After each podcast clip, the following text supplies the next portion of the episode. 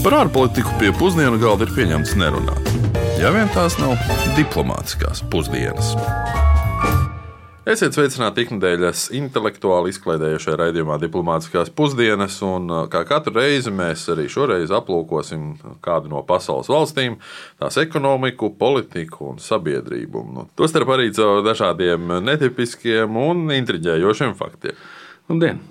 Nu, Pagājušajā nedēļā mēs bijām Austrālijā, un tagad uh, laiks atgriezties atpakaļ Eiropā un doties uz mūsu sabiedroto valsti, kurā pavisam drīz ir visnotaļ reprezentatīvā prezidenta vēlēšanas. Par to mēs vēl parunāsim detalizētāk.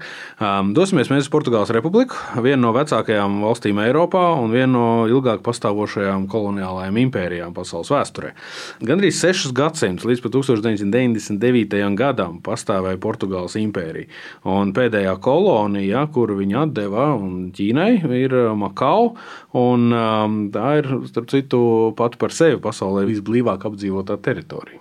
Par Makau mēs noteikti detalizētāk runāsim kādā no turpmākajiem raidījumiem, bet uh, Portugāla, starp citu, arī no gada sākuma, sešiem mēnešiem, ir pārņēmusi prezidentūru Eiropas Savienības padomē. Viņiem tagad priekšā stāv visai sarežģīts un izaicinošs uzdevums uh, vest Eiropas Savienību ārā no Covid-19 izraisītās nu, ekonomiskās krīzes, to varētu tā nosaukt. Nu, mm. Grūtības pilnīgi noteikti. Bet ko par Portugāli zina mūsu klausītāji, to devās skaidrot Rihards Plūme. Nezinu, ne ar ko. Principā, nopietni, ne ar ko. Vai superīgs maratons Lisabonā. Vispār dievīgi valsts tur ir būts un gribas atgriezties. Vīns, Okeāna piekraste ļoti skaista. Ar futbolu un siltu laiku. Jā. Sīkums kā no korķa koka, gatavot somiņas un apaviņu. Interesanta lieta. Ar prieku, jā. Daudz mīlestības tur, cilvēks maidīgi, patīkami. Krāsaini, trauki, okeāns, siltums, saule. Portugāla laba jūra. Es tur biju, Lisabonā biju, Portu. Es biju agrāk jūrnieks, tāpēc es zinu Portugālu. Nu, ja mēs tā varam teikt, tad Portugāla ir visrietumē eiropeiskākā valsts. Proti, tā atrodas vis tālāk uz rietumiem. Kaboda roka ir vis tālāk uz rietumiem esošais kontinentālais Eiropas raks. Atzīšos, ka šo zemes ragu es no savas zemes nekad neesmu redzējis. Es, es, es viņam esmu. Tev certifikāts ir? Ir. À, man nav. Es esmu apmēram dažu kilometru attālumā gar šo ragu vairākas reizes burājis pa okeānu, bet jā, klātienē man nav bijis iespēja redzēt. Vēl Portugālē pieder gan arī Atlantijas okeāna esošās autonomās Azoru salas. Tur es biju, tu, cik es zinu. Mm -hmm. Un arī Madeiras salā, kurā bieži vien ziemas pārlaiž arī manas nereti pieminētā jahta Spanijā. Mm, jā, nu par jūras braucējiem runājot. nu, Portugāles jūras braucēju sasniegumi pasaules atklāšanā ir visnotaļ iespaidīgi. Nu, arī līdzīgi kā ar Norvēģu sasniegumu, par kuriem mēs noteikti runāsim arī tālākajos raidījumos. Nu, attiecībā uz Portugāļiem 1419. gadā princis navigators uzsāka, jā, tā viņi arī sauc, uzsāka sponsorēt regulāras un sistemātiskas kartēšanas misijas misijas gar eh, Rietumāfrikas piekrasti. Nu, šajā atklājuma laikmetā tā saucamajā Bartolomeo Diešu, piemēram, sasniedz labās cerības ragu un iekuģoja Indijas okeānā. Desmit gadus vēlāk, 1498. gadā, Vaškuda Gama apkuģoja visu Āfrikas kontinentu un no Portugāles ieradās Indijā, Kalkutā. Jā, Suecas kanāls tad vēl nebija uzbūvēts. Nu, tas ir 20. gadsimta sasniegums. Um, Maziņš līkumiņš bija jāizmet. Precīzi kontinentam apkārt. Un nepilnu pusi gadsimta vēlāk, 1500. 1942. gadā Portugāļi jau sasniedz Japānu. Tādēļ, piemēram, vārds paldies ir līdzīgs abās valodās. Obrigado - portugāļu valodā un rigato ir japāņu valodā. Un visbeidzot, protams, jāpiemina arī tas, ka Pedro Alvarez Kabrāls pirmais atklāja Brazīliju. Tieši Brazīlijas loma Portugāles vēsturē ir ļoti nozīmīga, jo tā ir vienīgā Latvijas Amerikas valsts, kurā runā portugāļu valodā. Tur nesanāk, ka tā ir portugāļu vai tā kreola valoda, kas ir nedaudz mm, atvasinājums. No... Jā, bet tāpat tas ir kā skaitās. Nu, pamats ir portugāļu valoda. Bet visi šie ceļojumi ir sekmējuši to, ka portugāļu valodā pasaulē runā apmēram 250 miljoni iedzīvotāji. Un tas ir ņemot vērā to pašu, ka pašā Portugālē dzīvo tikai 10,3 miljoni. Mm un, nu, pēc Pasaules bankas klasifikācijas, pēc iedzīvotāju skaita, tā ir maza valsts. Jā, starp citu, pēc šī paša klasificējuma mēs Latvijā skaitāmies mikrovalsts. Zem 2,9 miljoniem Nu, nu, tā sanāk, jā. Bet savu bagātību un ietekmi pasaulē Portugālē zaudēja faktiski vairāku iemeslu dēļ. Nu, vispirms jau 1755. gada Lisabonas zemestrīce, tad Napoleona okupācija, Brazīlijas neatkarības pasludināšana 1822. gadā, un arī lielākās daļas pārējo koloniju neatkarības atļaušana pēc uh, 1974. gada, pēc Antonio de Oliveiras Salazara diktatūras beigām pašā Portugālē. Nu, jā, nu pats koloniju zaudēšanas process nu, bija diezgan ekonomiski sarežģīts mirklis Portugālē, jo resursu piegāde koloniālajai metropolē bez maksas vai par zemām izmaksām visnotaļ ietekmē, nu, iztrūkums ietekmē valsts ekonomisko pamatu. 1986. gadā Portugāla iestājās eh, Eiropas ekonomiskajā kopienā, Eiropas Savienībā, kā mēs tagad to zinām. Mm, Tieši tā, jā. Lai pilnvērtīgi iegūtu piekļuvi Eiropas Savienības tirgumu un būtu daļa no attīstītajām rietumvalstīm. Un ā, dalība pašā Eiropas Savienībā, Portugālē, kā arī daudzām citām ES valstīm, protams, ir sniegusi pozitīvu vidi valsts ekonomiskajai attīstībai un globālai produktu konkurencei. Jā, 90. gados Portugāles ekonomika diversificējās un kļuva ar vien vairāk arī uz pakalpojumu sektoru balstīta. Un, kā tu saki, tad lielā recesija, jeb nu, 2007. un 2008. gada ekonomiskā finanšu krīze Portugāles kāra apmēram tāpat kā Latvija. Un pat vienā brīdī bija tāda sajūta, ka pat vairāk nekā Latvija, mm. jo arī Portugālē bija taču ekonomikas glābšanas plāns. Bija. Tieši tā, viņiem arī bija valdība parāds daudz lielāks nekā mūsējais, un viņi bija riskantākajām valstīm tajā laikā, kas ā, varētu neatdot parādus līdzās Grieķijai un Itālijai Jā, jā. un Spānijai. Un uh, tāpat valsts uh, veica pamatīgus taupības pasākumus, lai izķeprotos, uh, un diezgan ātri faktiski nostājās uz šī izaugsmes uh, ceļa, līdzīgi kā arī īrija. Bet šobrīd arī jā, fiskālie rādītāji vēl pirms Covid krīzes bija nu, pat ļoti pat atzīstami vērā ņemami. Nu, pēc Portugāla pēc Eurostat datiem ir valsts ar reālu IKP uz vienu iedzīvotāju 18,6 tūkstoši eiro. Nu, Latvijā tas rādītājs ir ā, 12,5 tūkstoši eiro, pēc, nu, ja mēs pēc šīs metodoloģijas rēķinām.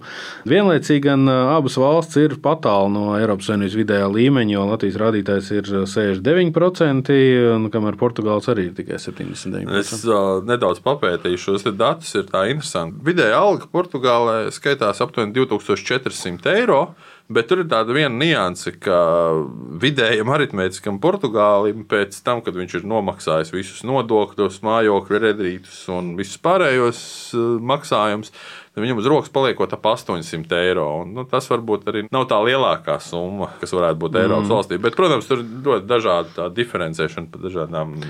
Tāpēc, pozīcijām. tāpēc, tāpēc jau parasti saka, ka optimālāks rādītājs ir tad, kad skatās, cik no ieņemtajiem līdzekļiem tiek iztērēts pārtikai, cik tiek iztērēts ā, transportam, cik tiek iztērēts dzīvesvietai, un tad arī skatās, cik tā valsts vai sabiedrība kā tāda ir bagāta vai nav bagāta. Eiropas Savienības nozīmīgums Portugāles ekonomiskajā un politiskajā dzīvē gan ir pietiekami būtisks. un, Starp citu, arī varam teikt, ka saiknes starp Portugālu un Latviju. Tā ir ne tikai ekonomiskajos rādītājos, jo abas valstis ir NATO, Nu, Portugāls ar citu vispār ir dibinātāja valsts NATO. abas ir arī uh, Eirozonā, un abām ir arī nu, visai līdzīgi drošības izaicinājumi, lai cik tas dīvaini nebūtu. Un par Portugāles drošības izaicinājumiem mēs uh, vairāk vaicājām arī Minho Universitātes docentei, doktorai Sandrai Fernandesai. The main uh, foreign security challenges for Portugal in the current context, um, we have here lines of continuity. Viens no Portugāles ārējās drošības izaicinājumiem pašlaik ir saistīts ar Brexitu, jo apvienotā karaliste vienmēr ir bijusi viens no nozīmīgākajiem Portugāles sabiedrotajiem, gan vēsturiski, gan Eiropas Savienības un NATO kontekstā. Lielbritānija izstājoties no Eiropas Savienības, Portugālei ir svarīgi šo partneri nepazaudēt pavisam. Ja mēs skatāmies uz Portugāli no geogrāfiskā aspekta, mēs daudzējādā ziņā varam vilkt paralēles ar Ziemeļaustrumu Eiropas valstīm, tostarp Latviju. Mēs abas esam mazas valstis gan Eiropas Savienības, gan NATO perifērijā, un šajā situācijā vienmēr ir ārkārtīgi nozīmīgi būt sadzirdētiem, lai varētu virzīt uz priekšu savas nacionālās intereses. Un tas ir kopīgs izaicinājums gan Portugālei, gan Latvijai, gan citām Baltijas valstīm. Portugāle arī ir ieinteresēta turpināt dziļāku integrāciju Eiropas Savienībā, kā arī turpināt tās politikas, kas ļauj Portugālei būt daudz drošākai un modernākai valstī. Tas savukārt palīdzēs attīstīt ekonomiku, jo arī tas mūsu valstī ir nozīmīgs izaicinājums. Covid-19 izaicinājumi ir ļoti līdzīgi citām valstīm, taču Portugāla tagad ir Eiropadomes prezidējošā valsts. Tā var izmantot šo pusgadu, lai pozicionētu sevi kā tiltu uz Āfriku, kā arī Atlantijas okeāna dienvidu daļu Brazīliju. Šī prezidentūra būs arī izaicinājums ekonomikas vadīšanas ziņā, lai novērstu Covid pandēmijas postošo ietekmi uz Eiropas valstu ekonomiku. Eiropas atkopšanās fonda līdzekļu sadales organizēšana ir gana liels izaicinājums, jo arī mūsu ekonomika no tā tā ir ļoti atkarīga. Tāpēc Portugālei, kā mazai Eiropas valstī, ir svarīgi runāt arī par solidaritāti starp valstīm. As a small European state. Ir skaidrs, ka Portugāla un Latvija ir faktiski daudz tuvākas valsts nekā mums šķīstu. Nu, ja mēs paskatāmies geogrāfiski, tā ir viena no mūsu attālākajām partneru valstīm Eiropas Savienībā. Fiziski mēs esam distancēti, bet uh, mūsdienās ekonomiski, drošības jautājumos, kā arī politiski mēs esam ļoti līdzīgi. Un te nav runa tikai piemēram, par uh, to pašu ukraiņu minoritāti starp citām abās valstīs. Jo, Paskaidrot? Jā, jo izrādās, ka ukraiņiem esot uh, viegli iemācīties portugāļu valodu, jo fonētika esot līdzīga abām valodām. Jā, un mums arī pat prezidents prezidenta pilnvaras abām valstīm ir nu, visai līdzīgas, ja tā varētu teikt. Proti, Arī Portugāļu konstitūcija nosaka, ka prezidentam ir pamatā reprezentatīvas funkcijas, un um, līdzības ar mūsu prezidenta funkcijām gan ir visai pamanāmas. Proti, prezidentam ir tiesības atlaist parlamentu. Mm, jā, paši portugāļi to sauc par atombumbu tiesībām. Tātad viņiem arī ir atombumba. Juridiskā. Jā. Prezidents ir bruņoto spēku virspavēlnieks. Nu, iepriekšējie prezidents, starp citu, ir pat izmantojuši šīs tiesības, lai beigās nu, vismaz daļai ierobežot arī Portugāles iesaistīšanos. Irākas kara. Balstoties uz vēlēšanu rezultātiem, prezidents arī nosauc nākamo premjerministru. Nu, te gan uzreiz parādās arī tiesības atsaukt valdību. Nu, jā, tāpat viņš var pasludināt karu, akreditēt vēstniekus, kā arī izsludināt likumus un veikt apžēlošanas. Nu, kamēr šīs ir lielākās un nozīmīgākās līdzības, nu, pastāv, protams, arī atšķirības. Portugāles prezidentu ievēl tauta, nevis parlaments, kā ir mūsu gadījumā. Prezidents lemj arī par referendumiem, apstiprina arī atsevišķus ministrs, ieceļ un atcauc arī virkni tiesas sistēmas pārstāvju un pašus tiesnešus. Latvijas prezidentam gan atšķirībā no Portugāles prezidenta ir arī likumdošanas iniciatīvas tiesības. Šī visa dēļ Portugāles sistēma skaitās pusparlamentāra, laikam, kā mums te ir arī eksperti kolēģi teikuši. Mūsējā tikmēr ir parlamentārā sistēma. Un kaut kur šis man lika arī aizdomāties, ka vai mūsu sistēma arī nav viena soļa attālumā no faktiski pusprezidentālas, ja mēs salīdzinām šīs tiesības. Un, laikam tas vienīgais solis būtu tas, kas daudzus gadu desmitus jau dažādu politiķu un partiju piesauktais labojums satversmē, kur rezultātā arī Latvijas prezidenta ievēlēta tauta. Bet jautājums, kāpēc mēs tik daudz runājam par Portugāles prezidentu, ir saistīts ar to, ka šīs nedēļas nogalē Svētdienā Portugālē ir gaidāmas prezidenta vēlēšanas. Un uh, šī brīža prezidents ir uh, Marcelo Rebelo de Sousa. Un arī viņam tiek paredzēta uzvara jau pirmajā kārtā, proti, iegūstot nepieciešamos 50% balsu. Tas ļautu iztikt bez otrās kārtas balsojuma. Un, jā, dati liecina, ka pašlaik viņa popularitātes līmenis sasniedz aptuveni 65%.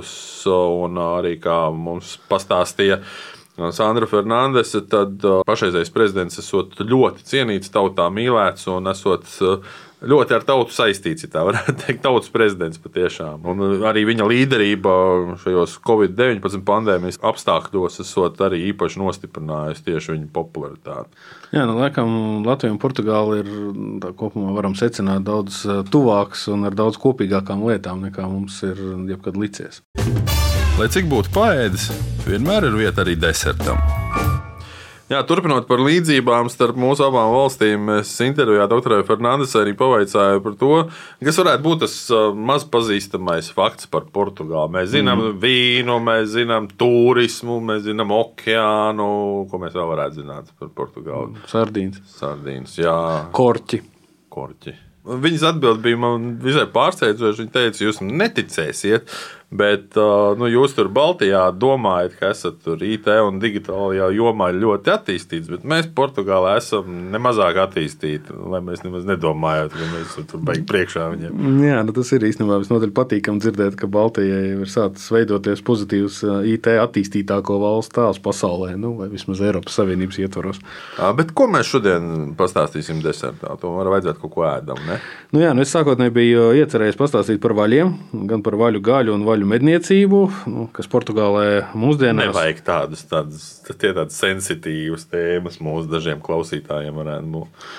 Nu, jā, bet uh, tas pozitīvais stāsts, šis tomēr ir pozitīvs stāsts, jo principā kopš 1982. gada šīs vaļu medniecība un fiziskā slaktēšana ir aizstāta ar uh, vaļu fotomedībām. Un tā ir pamatīga turisma nozares daļa, sevišķi Azoru salās. Nu, panācām to, ka senie un majestātiskie dzīvnieki vairs netiek nogalināti. Nu, praktiskais iemesls tam gan ir arī pasaules pieprasījuma pēc vaļu taukiem, diezgan dramatiskais kritums jau, un starp citu, tajās pašās Amerikas Savienotajās valstīs līdz pat 1973. gadam vaļu tauks izmantoja automašīnu automātisko pārnesumu kārbu eļļošanā. Nu, jā, nu varētu teikt, ka šis tāds pozitīvs cilvēces apdomīguma, pieauguma stāsts, bet uh, tomēr nu, desertam prasās kaut kas uh, nedaudz vieglāks. Tāpēc es pastāstīšu par to, ka Portugāla skaitās otra morāli visbrīvākā valsts pasaulē aiz Nīderlandes.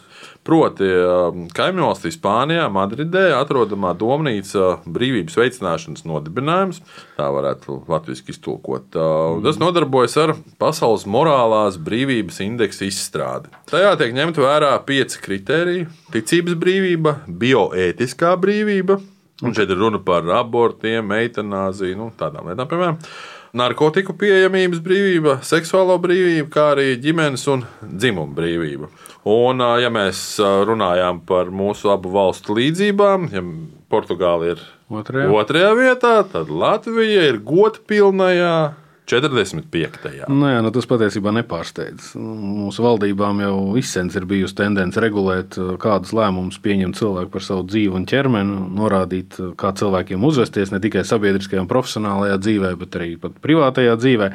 Nu, jā, tāpēc, bet, tāpēc es domāju, ka 45. vieta ir tikai pagaidām. Um, jā, man arī ir bažas par šo pašu. Bet, nu jā, ar šo pārdomu arī skan mūsu šīs nedēļas raidījums.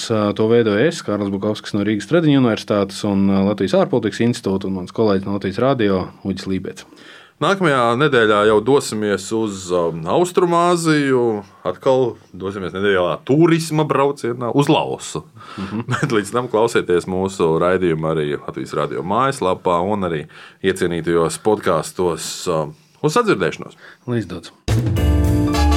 Diplomātiskās pusdienas katru otrdienu pusdienos Latvijas Radio 1.